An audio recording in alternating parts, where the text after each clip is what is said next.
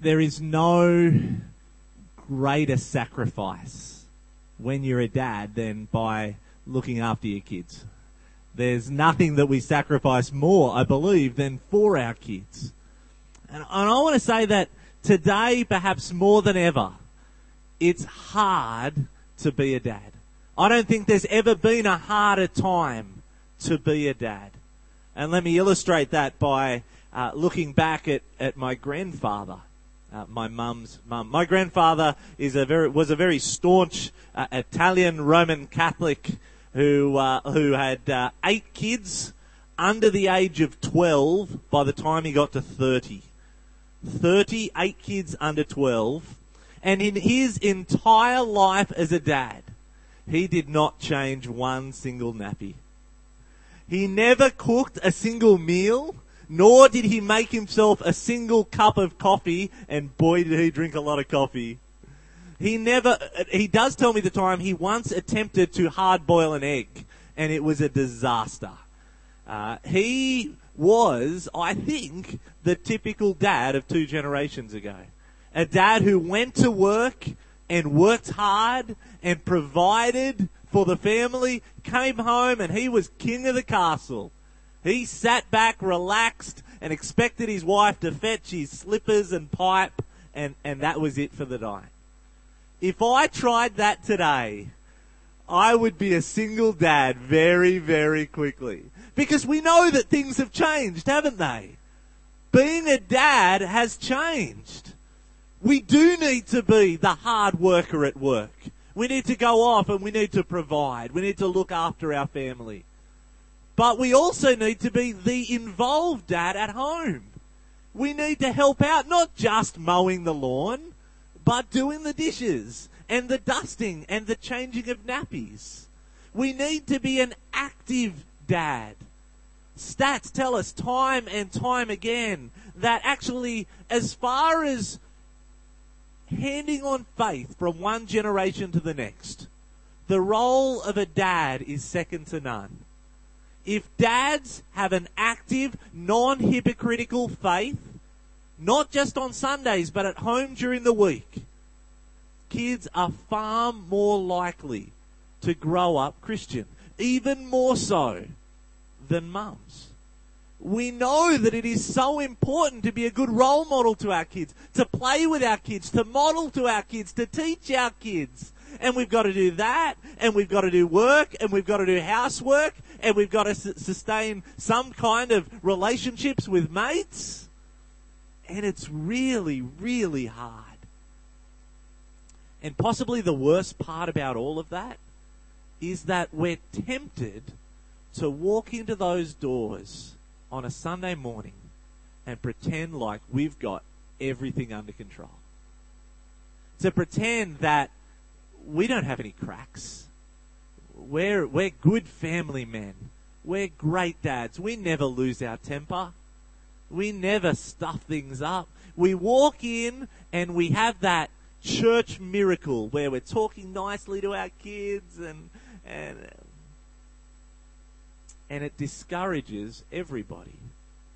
Absolutely everybody. It, dis- it, it discourages everybody who's in a vulnerable sort of position who know that that's not their life. It makes them think, well, maybe it's just me. Maybe this Christianity thing hasn't worked out for me because as I look around, everybody else has got it all together. It discourages the other dads who they know they're struggling. If they had 36 hours in a day, they might feel like things are under control and it discourages our own families. Our own kids see us different in church to out there and go, maybe that's all I have to do. Fake it until I come into church, until I leave church and then go back to life again.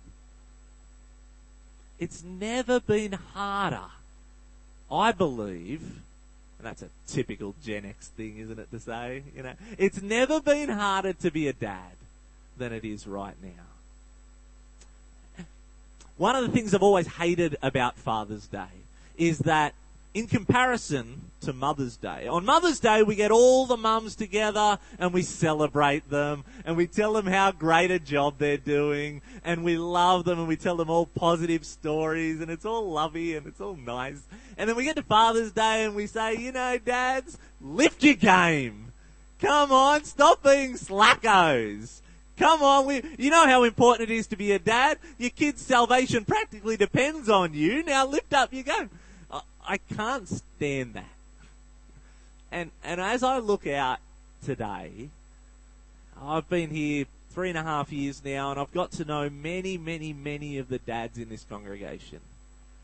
Many dads I've been able to have a coffee with, whether it's in their place or or my place. Some I've been meeting with week to week for a long time now. And I know that many, many, many dads in this room are doing a great job. They are selfless. They do put others first. They are working hard. They're being active dads. And so I want to encourage the great majority of us that dads, we're doing a good job. We're doing a good job. And so I want to ask the question this morning, as was raised by the boys what do you give the dad who has everything? Assuming that the dads in this building are doing a good job assuming that things are going well, what do we possibly give them? And I want to say that the first thing we need to give them is a reality check of eternity. A reality check of eternity. Because if there's one thing that I have noticed meeting with a lot of the guys, it's as well as we're doing, as hard as we're working, many, many, many of us are tired we're, we're just exhausted. It's just trying to keep up with the Joneses, trying to do everything that's expected of us is tiring. And when we get to that point, it's very, very easy to think when I get to the next stage of life, things will get better. When Jasmine gets out of nappies, things will get better when the kids are able to, to make their own breakfast and I can sleep in, things will get better. When I get that promotion, when the house renos reach the next stage, when I get the next pay bump, when my car is actually one that I'm proud to drive around the suburb, when I get to the next stage, then the joy of all the hard work that I've done will just come flowing into me then everything that I've worked so hard to achieve, I'll actually feel like I've achieved something. You know what? It's been tried. Come with me to Ecclesiastes chapter 2. Ecclesiastes chapter 2. And, and come and meet Solomon. Now, Solomon is a guy who doesn't do things by half measures. Solomon is one of those guys who, if he says he's going to have a party, he has a party. And basically, he decides he's going to do an experiment. He's going to take some time and have as much pleasure as anybody ever has ever tried. And he's going to see if that brings the joy that he has been craving and that you and I crave. He is going to go all out. He's going to use all the coffers of the nation of Israel. He's going to bring in the big guns. He is going to do what many men in this room have dreamed of doing and beyond. And he's going to tell us if he got the joy then that we're craving when we get to the next step. And so, come with me to Ecclesiastes 2. I thought in my heart, come now, I will test you with pleasure to find out what is good. Verse 3. I, I tried cheering myself with wine and embracing folly. Verse 4. I undertook great projects. I built houses for myself and planted vineyards.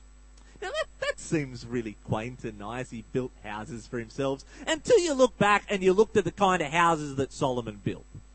He built the temple of the Lord that took seven years to build was one of the great ancient wonders of the world. And not to be outdone, his own personal house took 14 years to build. 14 years. And you ain't heard nothing yet because he then goes on to build a house for every one of his 700 wives. When he says, I undertook great projects, I built houses for myself, he's not kidding. He really built houses. I made gardens and parks and planted all kinds of fruit trees in them. I made reservoirs to water groves of flourishing trees. He had the Great Barrier Reef in his backyard. This guy really went all out. Remember, this is all part of an experiment. When will it get to the stage that the joy starts coming in? I bought male and female slaves and had other slaves who were born in my house. I think that basically means he never did a thing for himself. He, he went from his 9 o'clock massage to his 10 o'clock massage to his 11 o'clock second breakfast to lunch. He just, he, he, if he wanted something, he could even decide who he wanted to give it to him and it could be a different person each day. I also owned more herds and flocks than anyone in Jerusalem before me. I amassed silver and gold for myself and the treasures of kings and provinces. I acquired men and women singers and a harem as well. We have no idea what that means. The delights of the heart of man. I became greater by far than anyone in Jerusalem before me. This guy knew how to party. This is the kind of guy that when he hears something on YouTube that he likes, he doesn't download the album, he buys the band. This is the kind of guy who puts on a party and then the next night decides to outdo it and the next night decides to outdo it and he does that for three months and he, he can still get bigger. This is, this guy makes Hugh Hefner seem like he's in primary school. This guy has it all.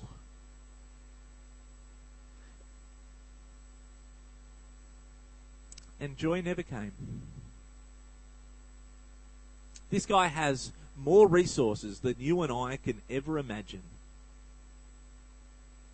He just does. If you don't believe me, flick back to 1 Kings 4. 1 Kings 4. It's on page 330. 1 Kings 4. If you're not a quick flicker, I can read it for us. These are, these are his daily provisions. I just, I don't, I want us to make sure that we're not tempted to say, you know, Solomon tried this experiment, but, you know, when I get to that next step, I'll, I'll really do what Solomon couldn't do. You know, I'll really party like he. Have a look at the provisions that he had. 1 Kings 4, verse 22. Solomon's daily provisions were 30 cors of fine flour and 60 cors of meal. That's about six and a half and about 13 kilos of flour and core. 10 head of stall fed cattle, 20 of pasture fed cattle, and 100 sheep and goats, as well as deer, gazelles, roebucks, and choice fowl. This guy had the provisions to do way more than you and I could ever imagine. Can you imagine throwing a party and saying, well, commentators reckon that he's got the daily provisions to feed about 12,000 people when my wife's family come over, all eight of her brothers and sisters, I, I feel like we need a fair bit of food to feed us. But we got nothing on Solomon. This guy did the great experiment of all time, thinking, how much does it take to get to the stage where joy kicks in? And come and look at his conclusion. Back in Ecclesiastes 4. Verse 10. I denied myself nothing my eyes desired. I refused my heart no pleasure. My heart took delight in all my work, and this was the reward for all my labor. He's basically saying there, I had a good time. And that was as far as it went. Yet when I surveyed all that my hands had done and what I had toiled to achieve, everything was meaningless a chasing after the wind. Nothing was gained under the sun. When Solomon looked back at all his parties, at everything he'd achieved, at everything he'd gone through, when he looked back at his 10 year plan and realized he did it in a year and a half, he realized it was a chasing after the wind. He realized the joy that he expected to come as he got further and further down the line of pleasure. It, just never came. It was like a chasing after the wind. You never catch it. How many of us, with far less resources than Solomon, fool ourselves into thinking, if I just, then I'll be happy. Solomon says you're dreaming. You're dreaming. And then a couple of chapters later, he gives us an answer as to why we're dreaming. An answer as to why no amount of possessions, no amount of shopping, no amount of binge eating, no amount of pay rises, no amount of anything will satisfy. Ecclesiastes 3 and verse 11. So it's the very next page. Ecclesiastes 3 and verse 11. He has made everything beautiful in its time. He has also set eternity in the hearts of men, yet they cannot fathom what God has done from beginning to end. You and I, dads, have a round hole in our souls that we are trying to fill with square stuff. We have a round hole the shape of eternity in our lives, and we know it. And, and the only way to make the pain go away from this round hole is by trying to chuck stuff at it possessions, money, power, position, whatever it might be. We try and fill our round hole with square stuff, and it never satisfies. It's like going down to McDonald's and pigging out on a Big Mac meal, and five minutes later, not only feeling hungry but sick at the same time. the things that we try and put into our round hole will not and cannot satisfy us. Because we need to keep going back and keep going back and wanting more and more. And the same won't even give us the small amount of joy. It's the classic addiction cycle. Isn't Ecclesiastes a great book to preach on for Father's Day? Hey, Father's Day, the greatest present you can ever need is the reality check that in eternity, due to eternity, nothing that you're ever trying to achieve will give you the joy that you want. Happy Father's Day. But praise be to God, He gives an answer to all of it. And perhaps the best place to see that, or one of the great places to see that, is in John chapter 4 come with me to one last passage to John chapter 4. It can be found on page 1052. John chapter 4. At the end of Ecclesiastes, while you're going there, at the end of Ecclesiastes, Solomon says, I, I have undertaken all these experiments, and, and what have I learned? Fear God and keep his commandments. At the end of it, he says, There's nothing greater that you can do than to fear God and keep his commandments. And he realized he can't do that, and so he was pretty much snookered. As we reach the New Testament, we're introduced to a man who did fear God. A man who did keep every single one of God's commandments. A man who lived a perfect life. He was never actually a father but he lived a perfect, sacrificial life. That man was Jesus, the God man. And in John chapter 4, we see Jesus do the very, very unusual thing of going through Samaria. they're the they're, they're just the bad guys. They're the the drunk second cousins who always spoil the wedding. These are the guys that no one wants to associate with. Yet he went through Samaria, and in the middle of the day, he went to the town well. The middle of the day, it's summer, it's stinking hot. He wanted himself some water, and he comes across a woman, a single woman on her own. And the reason she's on her own is because she is effectively the town bike. She is the woman who has a past that is so bad that she can't go to the well in the cool of the morning because all the other women would beat up on her. She has to go late in the day in in the middle of the sun. And Jesus in verse 7 says to her, "Will you give me a drink?"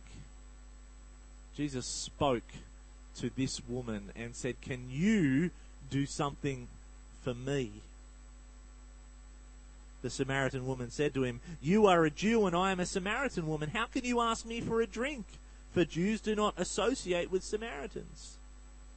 And Jesus answered her, If you knew the gift of God and who it is that asks you for a drink, you would have asked him and he would have given you living water. To which she says, paraphrasing, you don't even have a cup. You're asking me for water. How am I going to ask anything from you? And Jesus says something profound in verse 13. Everyone who drinks this water will be thirsty again.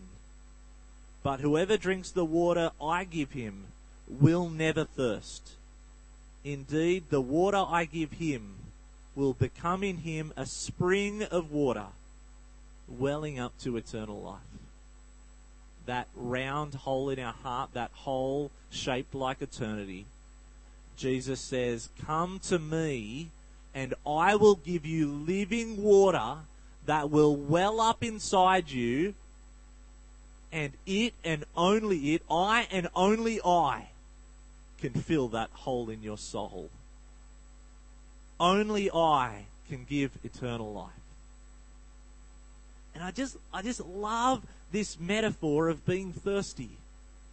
I love the metaphor because that's what we are. We are thirsty for joy. We are thirsty for pleasure. We are thirsty for, for doing the right thing. And so we try and we try, we drink and we drink and we drink. And we're just left parched, unsatisfied, tired, grumpy, and wondering when the next hill will come. And Jesus says to every one of us, dads, mums, men, women, children alike, Jesus says to every one of us, if you want to never go thirsty again, if you want a joy that can last you from now through the valley of the shadow of death, through the highs and the lows into eternity,